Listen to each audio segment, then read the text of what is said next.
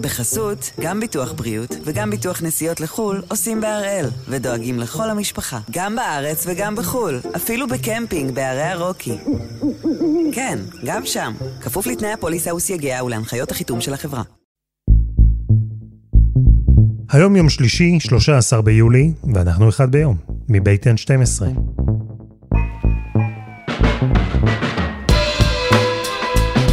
אני אלעד שמחיוף, ואנחנו כאן כדי להבין טוב יותר מה קורה סביבנו, סיפור אחד ביום, כל יום. בואו נדבר על וירוס. וירוס שגרם לבהלה, לתחלואה קשה מאוד, למיליוני מתים, וירוס שהיכה את העולם בתדהמה, תפס גם את הקהילה המדעית לא מוכנה. הוביל למחקר חסר תקדים. AIDS, acquired immune deficiency syndrome. No one with AIDS has been cured. AIDS is now the leading cause of death among young people in this country. בשבוע שעבר נפטר בבית החולים וולפסון בחולון חולה שלקה במחלת תסמונת האיידס, או בעברית תסמונת נרכשת של החלשת מערכת החיסון בגוף. זה קרה בשנות ה-80, ואנחנו מדברים כמובן על נגיף ה-HIV ומחלת האיידס. מחלה שהפכה מגזר דין מוות, ממחלה סופנית, למחלה שאפשר לחיות איתה. פרופסור ג'וני גרשוני, חוקר נגיפים ומגפות מאוניברסיטת תל אביב, מצביע על רגע מאוד ברור שבו השינוי הזה קרה. אם אנחנו מדברים על הימים הראשונים של HIV-AIDS, הייתה בהלה, הייתה אימה. אני חושב שהמפנה זה היה עם התובנה שאפשר לטפל בנשאים עם הקוקטייל, עם, עם אותו אוסף של תרופות, שבהתחלה זו הייתה מעמסה באמת תהליך קשה, כל יום. עשרות אה, גלולות וכדורים למיניהם, חלקם גדולים מאוד, לפני הארוחה, אחרי הארוחה, תוך כדי הארוחה, והיום היום אפשר למעשה לטפל בנשא, במישהו מודבק ב-HIV עם כדור אחד או שניים ביממה, אז זה הבדל עצום. גם היום את האיידס אי אפשר לרפא, ואין חיסון. אבל יש טיפול יעיל שרק הולך ומתייעל, והעולם למד לחיות עם הנגיף. ואז קרה משהו מעניין. ב-HIV AIDS, ברגע שיש תרופה, אז היו אה, בחברות מסוימות, נניח הגייז, שאמרו שאנחנו יכולים להרפות קצת ואולי לא להקפיד על אמצעי מניעה, אה, כמובן קונדומים. אה, אה, ואז במקרה כזה, אז אנחנו ראינו שאננות מסוימת בעלייה בקצב ההדבקה ב-HIV. אז כן, יש הבדלים כמובן, אבל הפעם אנחנו מדברים על וירוס שתקף את העולם, גרם לבהלה, לתחלואה קשה מאוד, למיליוני מתים, הוביל למחקר חסר תקדים. ועכשיו, אחרי שנמצא חיסון יעיל, בכמה מקומות בעולם חושבים על הווירוס הזה אחרת. ואומרים שם, הגיע הזמן להפוך את הקורונה למחלה רגילה.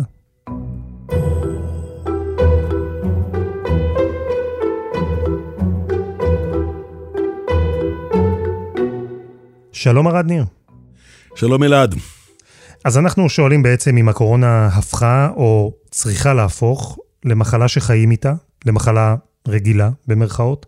ובעצם האתגר הגדול שלנו בהיבט הזה הוא שהמחלה שאנחנו מדברים עליה עכשיו היא לא המחלה שדיברנו עליה לפני כמה חודשים. וריאנט דלתא הפך לדומיננטי בעולם, יש גם אחרים. איפה אנחנו עומדים מהבחינה הזו? תשמע, אה, יש הרבה יותר אה, וריאנטים אה, ממה שאנחנו יודעים עליהם. הווירוס כל הזמן מייצר וריאנטים, עובר מוטציות במקומות שונים. אחת לכמה זמן יש וריאנטים מעניינים, שמקבלים איזשהו סוג של תשומת לב יתרה. וריאנטים שהמוטציות בהן מעוררות איזשהו סוג של דאגה וצריך לעקוב אחריהם. כל הזמן יש וריאנטים כאלה.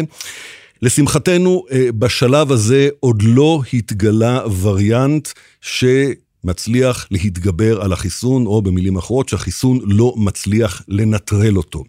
אה, צריך לעקוב אחרי וריאנטים, לראות אם יש איזשהו אתר שהחיסון לא יודע להתגבר עליו ויגרום לנגיף לחמוק מן החיסון.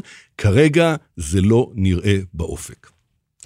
אז החיסונים יעילים, אל מול המחלה הזו, למרות שהיא עברה מוטציה, למרות שהיא מתנהגת אחרת, והשינוי הזה בנגיף עצמו מתמקד בהדבקה. ההבדל בינו לבין וריאנטים אחרים, שהוא מדבק מאוד, הוא מדבק ב-40 עד 60 אחוזים יותר מווריאנט אלפא, שהדביק יותר מהווריאנט המקורי של ווהאן, שהתפשט בעולם ראשון. הווריאנט הזה, אמרנו, מדביק הרבה יותר. לפי כל הסימנים, הוא לא גורם למחלה. קשה יותר, אה, וכנראה שלפי הנתונים אה, שמגיעים אה, מבריטניה, שאפשר לסמוך עליהם, והיא הראשונה בתור להתמודד עם הווריאנט הזה, הווריאנט הזה לא גורם לתמותה כמו הווריאנטים הקודמים. יש אומנם הרבה מאוד אנשים חיוביים, הם סובלים מסוג של אה, מחלה אה, נשימתית אה, כזאת או אחרת, אבל ברובם היא חולפת ועוברת. אני מניח שזאת הסיבה שבמקומות שונים בעולם החליטו שזה הזמן לסמוך על החיסון ולהמשיך הלאה. אז אני רוצה לדבר איתך בדיוק על העניין הזה. אה, על המסלול שעוברת מחלה כמו הקורונה, מהרגע שבו היא מתפרצת, ועד הרגע שבו אפשר לומר בביטחון, עד כמה שאפשר, אנחנו ממשיכים הלאה. כעיקרון, אה, כשמחלה פורצת, כשנגיף חדש אה, חיידק חדש שמתפרץ במקום מסוים, אנחנו קוראים לזה אפידמיה. דמיה זה כאילו אוכלוסייה, אז אפידמיה הוא מעל האוכלוסייה. ברגע שזה נמצא במקום אחד, זה אפידמיה. בשלב מסוים, אה, אנחנו נמצאים, אה, כמו שאמרנו, בעולם אה, גלובלי, אז תנועה, תנועה אנושית אה, עוברת בין מדינות, אה, בין ארצות, אה, בין יבשות. בשלב מסוים זה הופך להיות פנדמיה. מה זה אומר פנדמיה? זה שזה נמצא בכל מקום. אנדמי, ברגע שהנגיף הופך להיות לאנדמי, זה נגיף שהבנו שאנחנו צריכים ללמוד לחיות איתו, הוא נמצא באוכלוסייה, יהיו גלים של תחלואה, יהיו עליות, יהיו ירידות, יהיו אנשים שיכלו ויבריאו ויתחסנו, באופן טבעי, יהיו כאלה שיקבלו את החיסון וגם כן אה, ידבקו בצורה קלה אה, יותר או פחות, יש גם אה, סטיות מבחינת היעילות אה, של החיסון, חיסון, אבל ברגע שהמחלה היא אנדמית, הנגיף או הפתוגן או ה... החיידק אה, יהא גורם המחלה אשר יהא, ברגע שהוא אנדמי, הוא נמצא באוכלוסייה, והאוכלוסייה למדה להתמודד איתו ככל שניתן. יש לזה הגדרות ברורות? אה, לקבוע שהנגיף הוא אנדמי, זה אומר שהנגיף צריך להשתנות, שהאוכלוסייה צריכה להשתנות באופן שבו היא חשופה אליו, גם וגם? ברגע שמובן שאי אפשר להשתלט על הנגיף ולהכחיד אותו, אז הוא הופך להיות בהגדרה נגיף אנדמי. הרופאים, ברגע שאתה מגיע לבית חולים, או לפני זה, כשאתה מגיע אל רופא המשפחה, אתה אומר, יש לי נזלת, כואב לי בגרון, יש לי קשיי נשימה, יש לו רשימה של אבחנות מבדלות של דברים שהוא צריך לשקול מה יש לך ואיך לטפל בזה. ברגע שה... המחלה החדשה, במקרה הזה COVID-19, נכנסת לרשימת ה-differential diagnosis האלה של האבחנות המבדלות, או אז מדובר במחלה שהיא אנדמית, היא חלק מהמחלות הקיימות, ואנחנו אה, צריכים להתמודד איתה.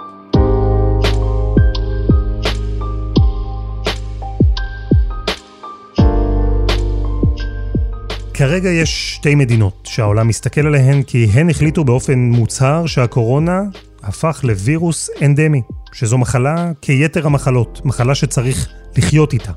המדינה הראשונה היא אנגליה. באנגליה קורה משהו מעניין. Let me set out today our five-point plan for living with COVID in the hope that it will give families and businesses time to prepare.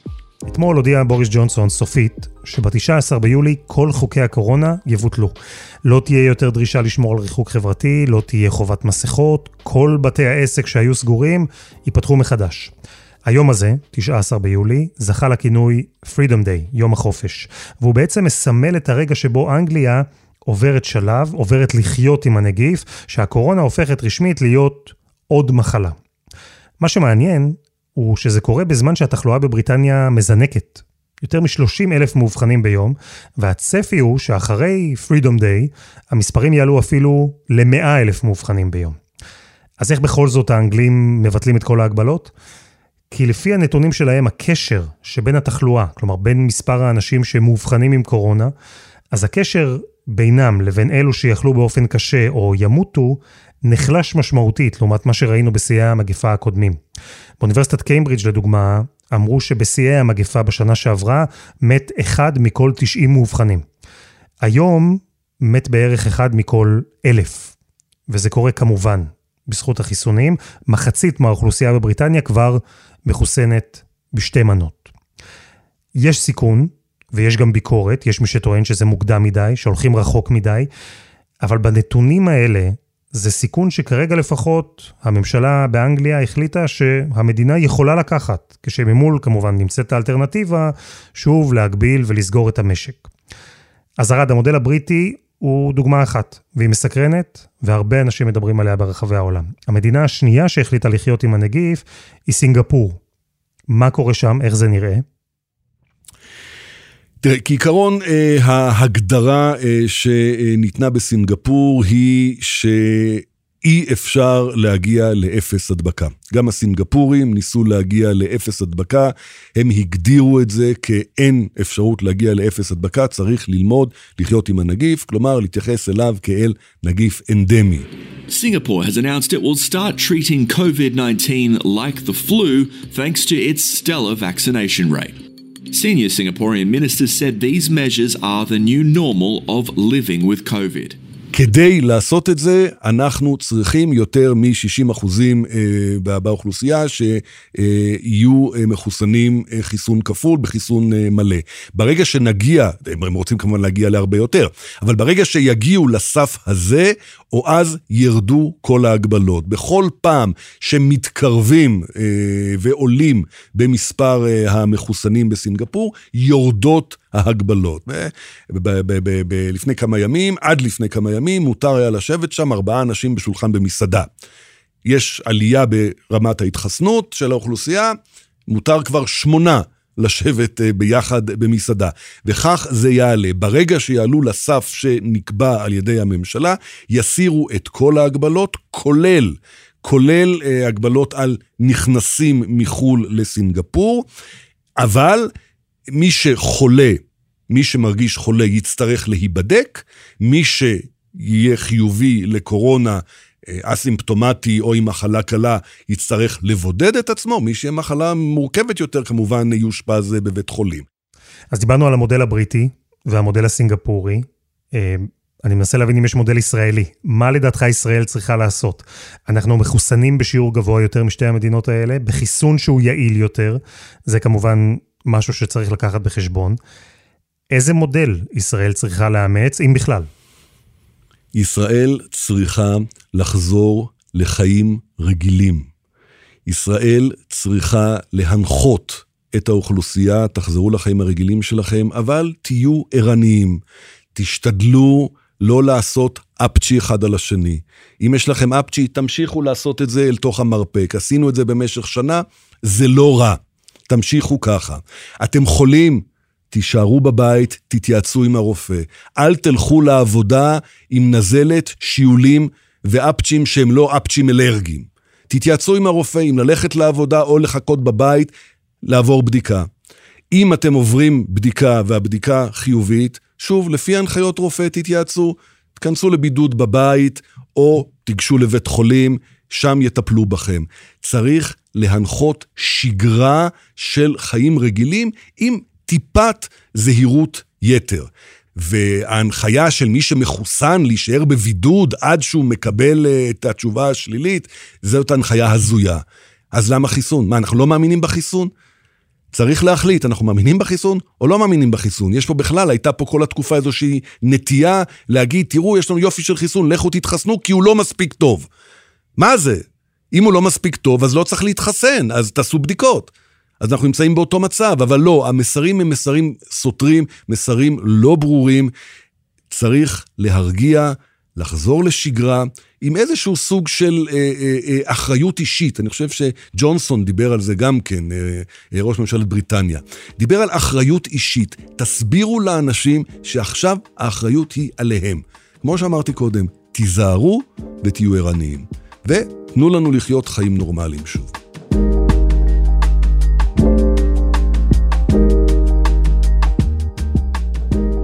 ערד ניר, תודה רבה.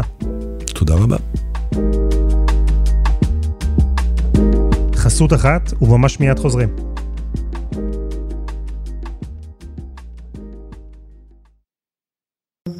בחסות, גם ביטוח בריאות וגם ביטוח נסיעות לחו"ל עושים בהראל, ודואגים לכל המשפחה, גם בארץ וגם בחו"ל, אפילו בקמפינג בערי הרוקי.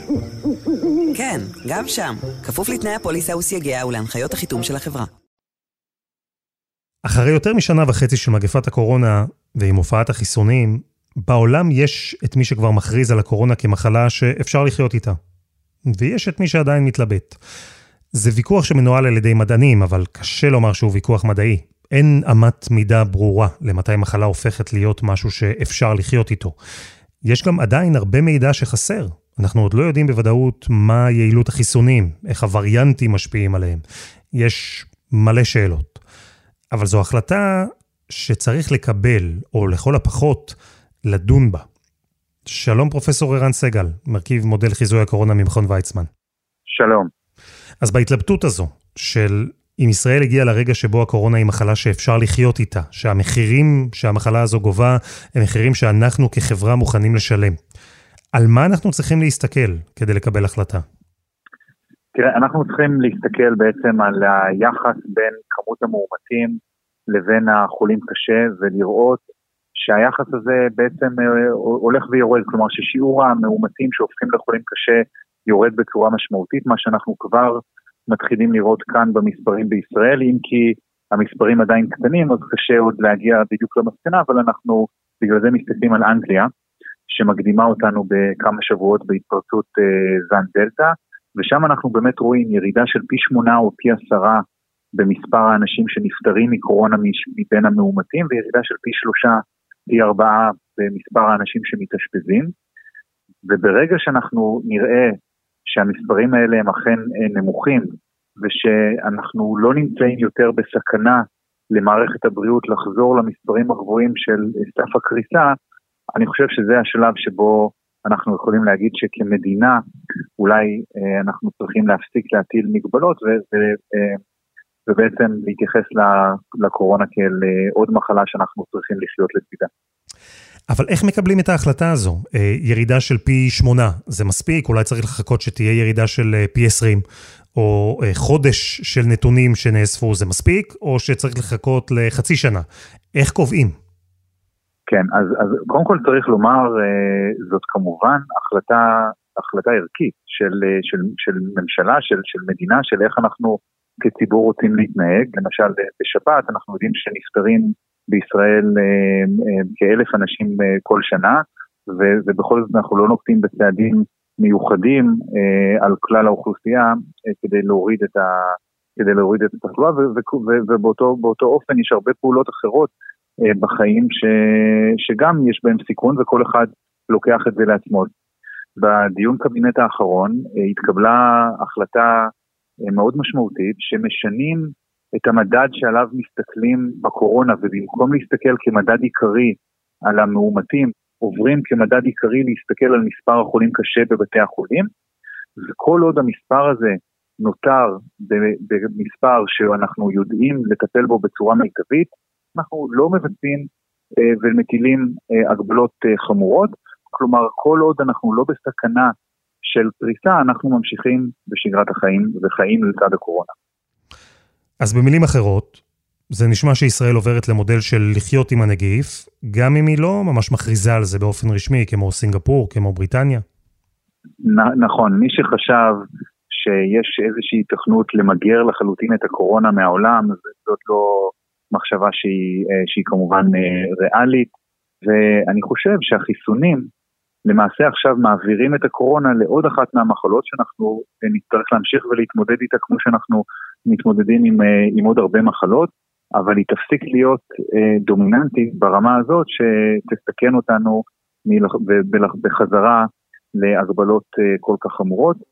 זאת כמובן התקווה וזאת, וזאת כמובן הערכה גם ש, שהיא מבוססת לפי כל הנתונים שאנחנו, שאנחנו רואים כרגע.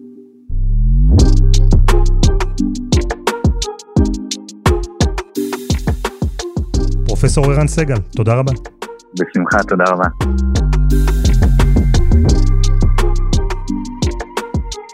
וזה היה אחד ביום, של N12. הפרק הזה, כמו כל הפרקים הקודמים שלנו, נגיד הפרק שבו למדנו איך בעצם נוצר וריאנט בקורונה, כולם זמינים ב-N12 וגם בכל אפליקציות הפודקאסטים. אנחנו גם בפייסבוק, יש שם קבוצה שנקראת אחד ביום והיא ממש מעולה באחריות. העורך שלנו הוא רום אטיק, עדי חצרוני ודני נודלמן בצוות, יאיר בשן על הסאונד, גם יצר את מוזיקת הפתיחה שלנו, ואני אלעד שמחיוף, ואנחנו נהיה כאן גם מחר.